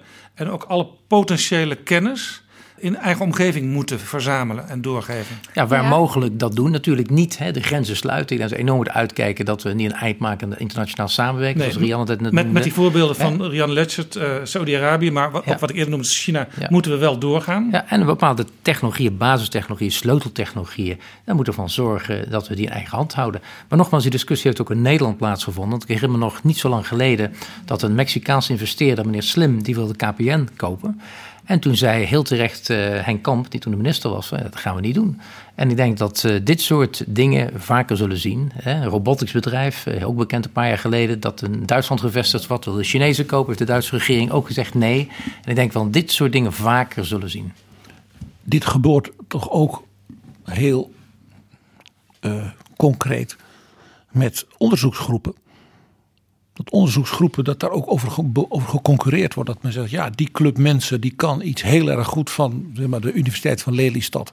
Die zou ook heel goed hè, met allerlei uh, gunsten en mogelijkheden elders uh, een plek kunnen krijgen. Daar is ook concurrentie over tussen instellingen ja, dat is, dat is en universiteiten. Is dat, is dat erg? Dat hoort nee, ook bij, hè? dat uiteindelijk het dat zou ook dus die elkaar zou, blijven uitdagen. Maar dat zou ook die, tot die basiskennis kunnen behoren, waarvan uh, Robert Jan Smit ja, zegt, die moet, die je, dus, wel moet samen hebben. Ja maar, die, ja, maar ik heb het dan over in een, in een land wellicht, waar dat af en toe gebeurt. Maar wat ik een veel zorgelijke ontwikkeling vind, is dat ik in de nationale debatten veel meer uh, en we gaan ons achter de dijken verschuilen mentaliteit zie dan het beroep die Pieter en Robert Jan juist hier terecht op tafel leggen. We moeten in die Europese samenwerking investeren en niet denken dat wij als Nederland, als klein land dat toch echt afhankelijk is ook van die mondiale economie en ook van het samen aangaan van maatschappelijke uitdagingen, dan moeten we met die Europese samenwerking doorgaan. Dus ik hoop dat de nationale politici ook die verantwoordelijkheid gaan nemen om met het oog op die uitdagingen van de toekomst wel voorbereid te zijn en het liefst dan in Europees verband. Ja, en dus daar ligt misschien ook taak voor de Europese Commissie om te kijken of er nog misschien uh, witte vlekken zijn in de Europese kennisontwikkeling waar nog wat extra moet worden gedaan. Ja, dat gebeurt op dit moment. Hè. Er is een heel een actieplan gemaakt, inventarisatie gemaakt. En daar komen de sleuteltechnologieën natuurlijk heel sterk naar voren. Waar deze regio ook natuurlijk heel sterk van afhankelijk is. Uh, daar kan Europa zich niet permitteren om afhankelijk te zijn van de derde landen. En uh, daar zal extra in geïnvesteerd worden. En dan denk ik ook aan artificial intelligence bijvoorbeeld. En vandaar, dan maak ik even een, een, een link naar wederom de politiek. Um, de groeibrief die destijds is gepresenteerd aan het investeringsfonds zijn prachtige initiatieven. Want uh, we zitten nu in een crisis, maar we moeten wel gelijk aan gaan nadenken over hoe we straks groei in de economie gaan krijgen. Daar gaan we het zo over hebben. PG wou nog iets zeggen op dit punt. Ja, het is boeiend dat we eigenlijk de voorbije nou, anderhalf jaar een vrij lang sudderende discussie ook in Politiek Den Haag hadden over al die internationale studenten. En moet dat nou allemaal wel? En ik dacht op een bepaald moment, cynicus als ik ben, die corona, dat is de triomf voor Harm Beertema en Harry van der Molen. Maar u zegt dus blijkbaar van niet. Oh, daar moet ik nog op reageren, want ik uh, dacht nou, dat... Het klinkt dat als een provocerende een, vraag. Was, ja, dat dus, maar ja, zo kennen we PG Kroeger met provocerende vragen. uh, uh, nee, dus, nee, dus het is een... kijk, de, de, internationale samenwerking, ja, dat is... Ik, ik noemde eerder al het woord DNA, maar dat, is, dat zit in het DNA van de universiteit. En, en het zit ook in het DNA natuurlijk van Nederland. We zijn een, we zijn een open samenleving, een open economie. Daar, daar ligt onze toekomst. En nou, laten we dus ab absoluut hopen dat die internationale samenwerking zo goed mogelijk gecontinueerd blijft. Ja, en als je kijkt naar onze demografische ontwikkeling, hebben we die mensen hartstikke hard nodig hoor. Dus ik vind het ook echt een beetje een hele korte termijnvisie om te denken dat wij met het, de, de, de populatie die we hebben en ook die de komende jaren uh, op ons afkomt in Nederland, het gaan redden om bijvoorbeeld in AI de talenten te hebben die dat in Nederland en Europa verder gaan ontwikkelen. Dus eerlijk gezegd, het, het is een uh, kind met het badwater weggooien. Als we nu gaan zeggen, we, sluiten de grenzen. Internationale studenten, die uh, gaan we vooral stimuleren om niet te komen. En medewerkers, want er zijn ook mensen die werken hier uit allerlei landen... die aan ons talentbeleid en innovatie meewerken. Ik moet er niet aan denken, over tien jaar hebben we dan een heel ander probleem. Dus ik hoor geen van jullie vieren zeggen eigen studenten eerst. Nee, echt. Nee. Weet je, als wij in september niet meer de studenten kunnen teruglaten in de steden waar wij hier de universiteiten hebben ontwikkeld, dan ga ik een heel ander probleem voorzien. Voor de lokale economieën. Dat geldt voor de Nederlandse studenten die hier op kamers zitten, die hier huren, die hier naar de kroeg gaan, die naar het theater gaan. En dat geldt ook voor de internationale ja, studenten. We gaan het zo hebben over uh, de crisis na de crisis. Hoe gaan we alles weer opstarten? Als dit een café was, hadden we nu vast een vraag. En die hebben we in, zelfs in deze podcast hebben we die nu ook. Ik ga praten met Alex Tes Rutte, voorzitter van de LSVB, de Landelijke Studentenvakbond. Welkom in Betrouwbare Bronnen, Alex Tes. Dankjewel. Een tijdje geleden had ik in Betrouwbare Bronnen te gast Luus van Kempen, voorzitter van de Jonge SER. En zij hadden een rapport geschreven over de problemen waar jongeren deze tijd tegenaan lopen. Dat was het leenstelsel, de huizenmarkt en de flexibele arbeidsmarkt. Ja. Zorgde allemaal voor problemen. En ik kan me voorstellen dat in deze coronacrisis die problemen vanzelf groter worden. Ja, dat is inderdaad wat we zien. Um, wat uit, dat, uh, uit die verkenning van het jongerenplatform van de SER heel duidelijk bleek, was dat die giftige cocktail van beleid ervoor zorgt dat jongeren onder andere de mijlpalen in hun leven uh, uitstellen. Dus later een huis kunnen kopen, later een gezin beginnen, later een vaste baan krijgen. Um, en die coronacrisis die vergroot dat probleem enorm op een aantal manieren. Dus, en bijvoorbeeld omdat we uh, zien dat jongeren meer zijn gaan lenen om aan de ene kant de verloren inkomsten uit hun bijbaan goed te maken. En ja, dat kan ook, hè? Zegt uh, minister Ingrid van Engelshoven. Je kunt bijlenen. Ja, je kunt meer dan maximaal bijlenen op dit moment. Dat is de oplossing die de minister aandraagt. Wij vinden dat eigenlijk totaal onverantwoord.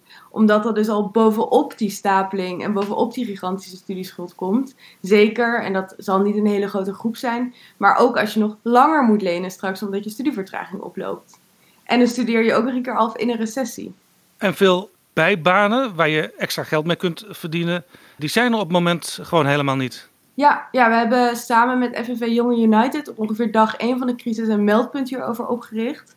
En we zitten daar nu op heel ruim 1700 meldingen van studenten die verhalen hebben dat ze op dag 1 ontslagen zijn, um, gewoon niet meer worden opgeroepen. En we zien daar een gemiddeld inkomenverlies van 530 euro per maand. Dus dat is echt, echt fors, bijna de helft van het inkomen van studenten. De huizenmarkt, dat wordt straks een probleem als je wel werk hebt en een huis wil gaan kopen. Ja. Maar soms is het nu al een probleem om in je huurwoning te blijven. Ja, dat is wat we zien. Zeker de, de groep, wat ongeveer 41, 43 procent is, die privaat huurt. Uh, daar krijgen we echt heel veel klachten van binnen. Um, gewoon worden een beetje gedreigd. Uh, zeg nou maar je huur op, dan vinden we wel iemand anders die het wel kan betalen. Die hebben het al heel zwaar nu. Ik moet wel zeggen dat inkomen is echt de grootste zorg bij jongeren. Nou is er normaal natuurlijk ook sprake van dat je meepraat in medezeggenschapsorganen. Mhm. Mm -hmm. Hoe zit dat nu in de coronacrisis? We horen hele wisselende verhalen. Sommige medezeggenschapsraden worden heel goed betrokken, zijn deel van het crisisteam. En andere medezeggenschapsraden, daar hebben wij echt wel vraagtekens bij of daar aan de wettelijke verplichtingen voldaan wordt. Nou is de nuance erin dat in de wet wel een clausule staat dat je bij grote crisis daarvan af mag wijken. Zware bedrijfsmatige of economische gronden bijvoorbeeld. Maar we zijn nu al bijna acht weken onderweg. Wij denken dat dit wel het moment is om die medezeggenschap weer in ere te gaan herstellen ook. Ja, je ziet ook dat democratische organen zoals onze eigen Tweede Kamer, die komen wel bijeen op een weliswaar andere manier, maar ze komen wel bijeen. Ja, en wat wij ook horen bij medezeggenschap, en we zien het ook dat die echt een andere manier aan het vinden zijn om te vergaderen. En dat ze ook, want je hebt vaak zes weken termijn om op te reageren, om in te stemmen. Maar dat ze heel erg zeggen, nou, dat hoeft niet. Weet je, we kunnen prima ervoor zorgen dat we binnen een paar dagen een reactie voor je hebben. Want ze snappen ook allemaal wel dat je nu niet zes, zes weken moet wachten tot je hebt besloten hoe het binnen het studieadvies eruit gaat zien. Maar je moet ze wel gewoon om instemming vragen. Alex Tess Rutte van de LSVB, hartelijk dank voor jouw bijdrage in Betrouwbare Bronnen. Graag gedaan. Een heel belangrijk punt wat Alex Tess Rutte noemt, is de medezeggerschap. Wordt daar voldoende aan gedacht op de universiteiten op dit moment? Want je ziet elkaar niet de hele dag. De voorzitter van de Universiteitsraad zat in ons uh, crisismanagementteam. Dus die zat er elke ochtend uh, zat zij aan tafel. De faculteitsraden zijn op allerlei uit, ja, uitvoeringsaspecten rondom het onderwijs uh, continu betrokken. En dat gaat dan gewoon in zo'n videoconferencing manier. Dus ik denk eigenlijk dat de, dat de lijntjes nu veel intensiever en korter zijn in deze crisis dan in een normale bestuurlijke periode. Dat is in ieder geval mijn ervaring. Dit is Betrouwbare Bronnen. Laten we tot slot even kijken naar de toekomst. Op verschillende fronten wordt Nederland nu weer meer opgestart. We kunnen zelfs nu weer naar de kapper. Uh, Rianne, jij zei net ook al, uh, we moeten ook denken aan de omgeving rond de universiteiten. Dus ook uh, de steden waar de studenten wonen, waar de, de docenten en hoogleraren wonen. Daar moet het leven ook weer in terugkomen, begrijp ik een beetje uit wat je zei. Ja, nee, dat, dat is, het heeft twee dimensies, die discussie van wat doen we in september. Enerzijds is het ecosysteem waar wij onderdeel van zijn. En dat geldt voor de plek die we hebben in een stad en in een regio. Dat geldt richting je toeleveranciers. Dat geldt ten opzichte van je opdrachtonderzoek, van bedrijven, wat voor een deel nou stil ligt. Dat gaat enorme effecten kunnen hebben op je lokale economieën. Ik denk dat we dat niet moeten onderschatten. En ik denk dat ook het kabinet in deze periode dat middellange termijn perspectief echt moet gaan bieden. Want wat zie je anders gebeuren? Dat universiteiten zelf beslissingen gaan nemen over die periode in september, waardoor ook gedrag zich gaat aanpassen aan die situatie, zonder dat alle dimensies in zo'n afweging wellicht betrokken zijn. Nou, dat lijkt me iets wat universiteiten in gezamenlijkheid in je lokale uh, regio of met je, Den Haag, met je Haagse uh, partners moet overwegen. En niet alleen maar aan een CVB van een universiteit moet overlaten. Met alle respect, ik zit er zelf in. Daarvoor zijn de consequenties veel te uh, mogelijk te zwaar. Dat is één deel van de dimensie. Tweede deel is dat ik echt geloof in contact tussen studenten en tussen studenten en docenten. En als we met z'n allen naar de bouwmarkt mogen en we mogen met z'n allen naar IKEA, dan kan je mij niet vertellen dat wij in september niet ook in een anderhalve meter afstand samenleving ook studenten weer toe gaan laten op onze campussen. Want dat is voor hun ontwikkeling minstens zo belangrijk dan naar die colleges kunnen gaan of naar die werkgroepen. Ja. En dat geldt misschien ook meer voor de eerstejaars. Want waar ik me ernstig zorgen over maak, is dat eerstejaars die zich niet kunnen hechten in die gemeenschappen, uiteindelijk ook niet die band met die universiteit en met die stad gaan voelen. Dus wat betekent dat voor die generatie die gaat instromen? Als we dan al, hè, in de, in kijkend naar de richtlijnen van het RIVM, keuzes zouden moeten maken, zou dat een generatie en een jaargang zijn waar ik vind dat we extra aandacht aan zouden moeten besteden. Dit is eigenlijk een rechtstreekse oproep aan premier Rutte aan minister Ingrid van Engelshoven. Hou hier rekening mee. Denk ook aan die hele gemeenschap om de universiteit heen. En in het bijzonder de eerstejaarsstudenten die straks beginnen. Die moeten zich wel kunnen wortelen in die universitaire omgeving. Ja, dat is eigenlijk precies wat ik wilde zeggen. Maar jij zegt het korter. ja, Begrijp ik hier ook een beetje uit, en misschien kan Pieter Duisberg daar iets over zeggen. Dat de universiteiten misschien wel in het denken van Den Haag een beetje achteraan liggen? Nou, ik weet niet of we achteraan liggen, maar ik kan me heel goed voorstellen dat, dat het kabinet dat ze bijvoorbeeld zou beginnen bij de jongste groepen. Uh, het kabinet moet ook kijken naar de vervoersbewegingen. Dus zodra studenten weer naar een hogeschool of universiteit gaan, dan krijg je ook weer veel meer vervoersbewegingen. En dan niet alleen vervoersbewegingen binnen een stad, maar vooral bij universiteiten gaat het ook om, om vervoersbewegingen tussen steden. Dus dat zijn allemaal nieuwe uh, uitdagingen waar het kabinet rekening mee, ja, mee Daar heeft Roger ja. van Bokstel van de NS al vaak over gezegd. Uh, we moeten bij studenten misschien aan hele andere tijdstippen van reizen gaan denken.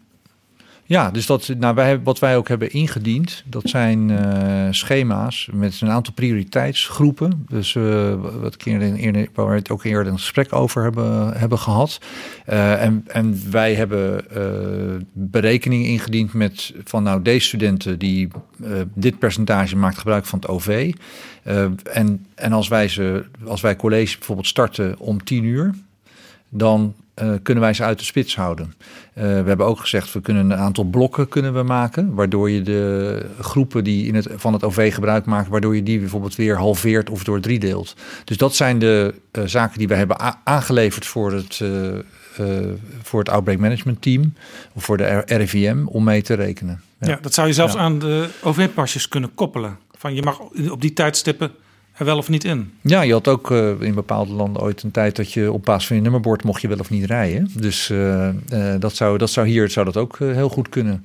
Maar wij hebben als universiteiten met elkaar gezegd dat kijk, er, gaat gewoon niets boven het, het onderwijs op de campus. Gewoon de, de interactie waar we het nu vandaag al de hele tijd over hebben. Dat, dat, dat, dat ja, weet je, niets kan dat verslaan. Dus wij hebben ook met elkaar gezegd, als het even kan, natuurlijk volgen wij het RIVM en het kabinet. Maar er zijn hele belangrijke redenen waarom dat, dat onderwijs en ook dat onderzoek op die campus, waarom we dat graag weer zouden willen opstarten.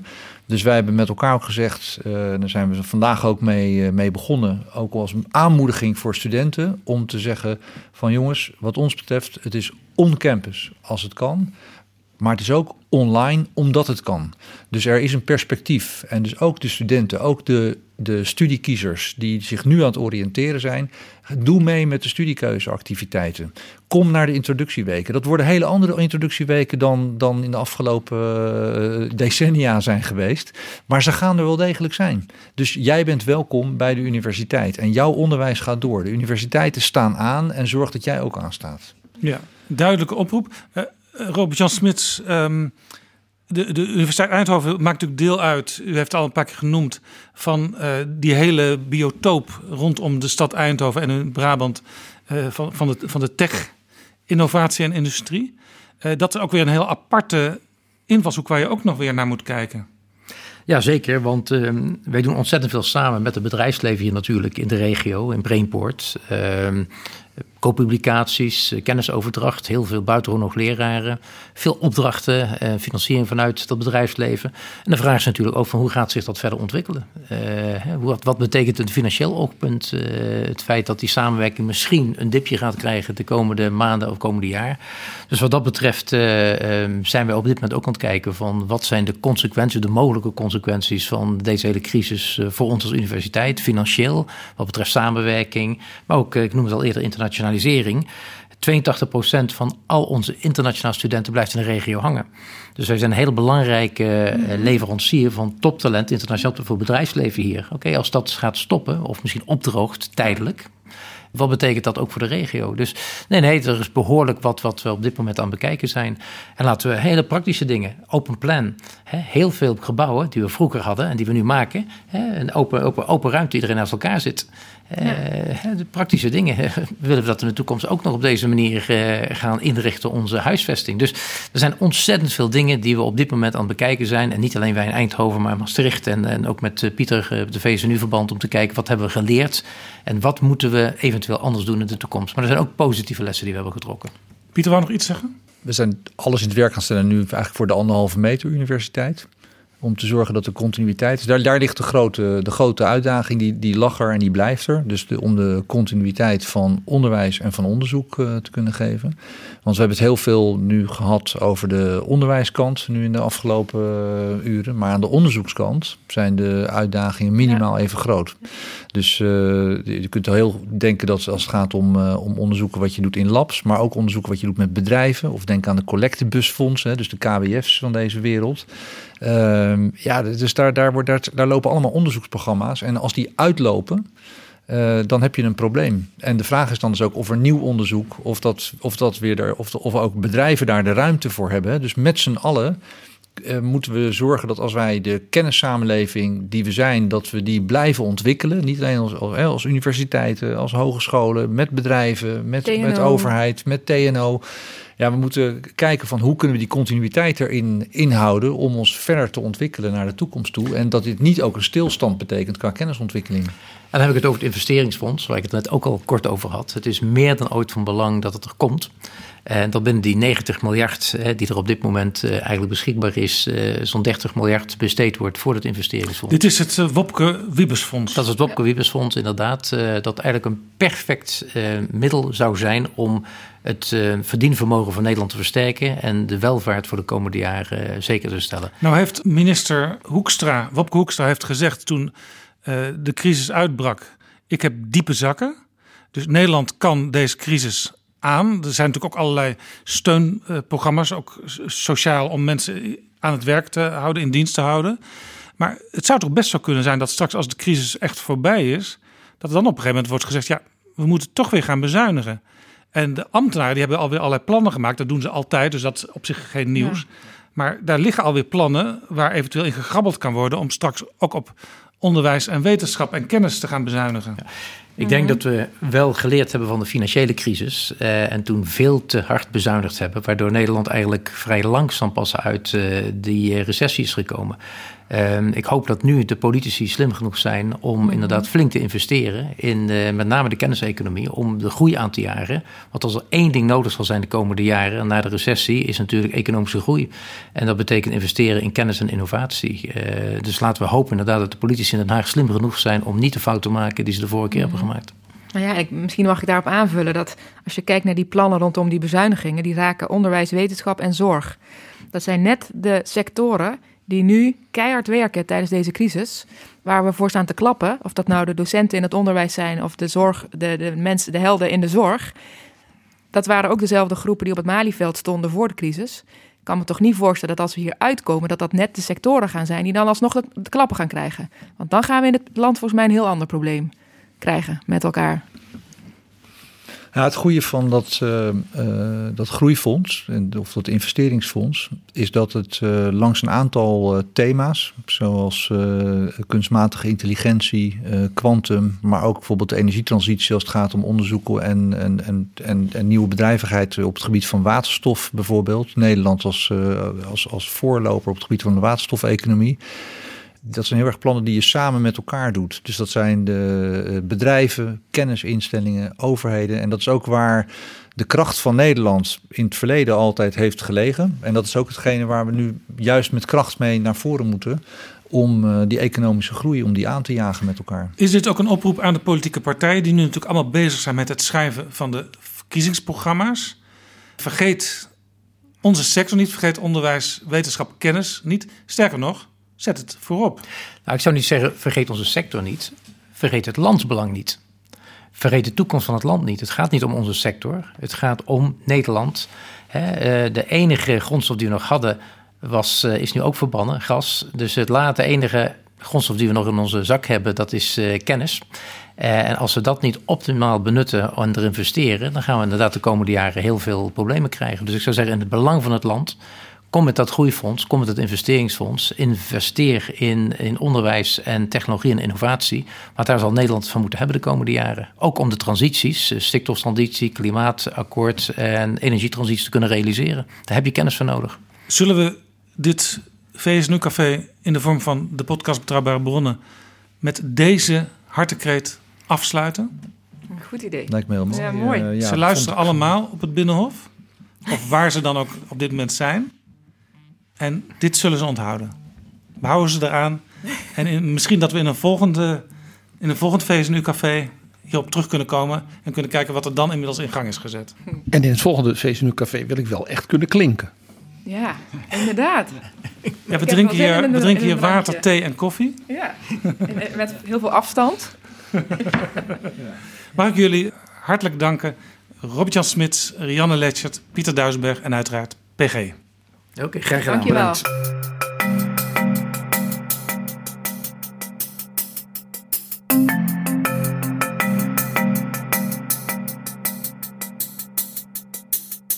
Zo, dit was Betrouwbare Bronnen aflevering 108. Deze aflevering is mede mogelijk gemaakt door de Vereniging van Universiteiten, de VSNU.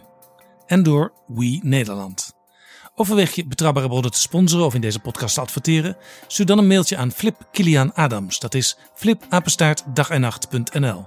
Heb je vragen of opmerkingen? Mail dan naar betrouwbare bronnen. Tot de volgende keer. Betrouwbare bronnen wordt gemaakt door Jaap Jansen in samenwerking met dag en nacht.nl.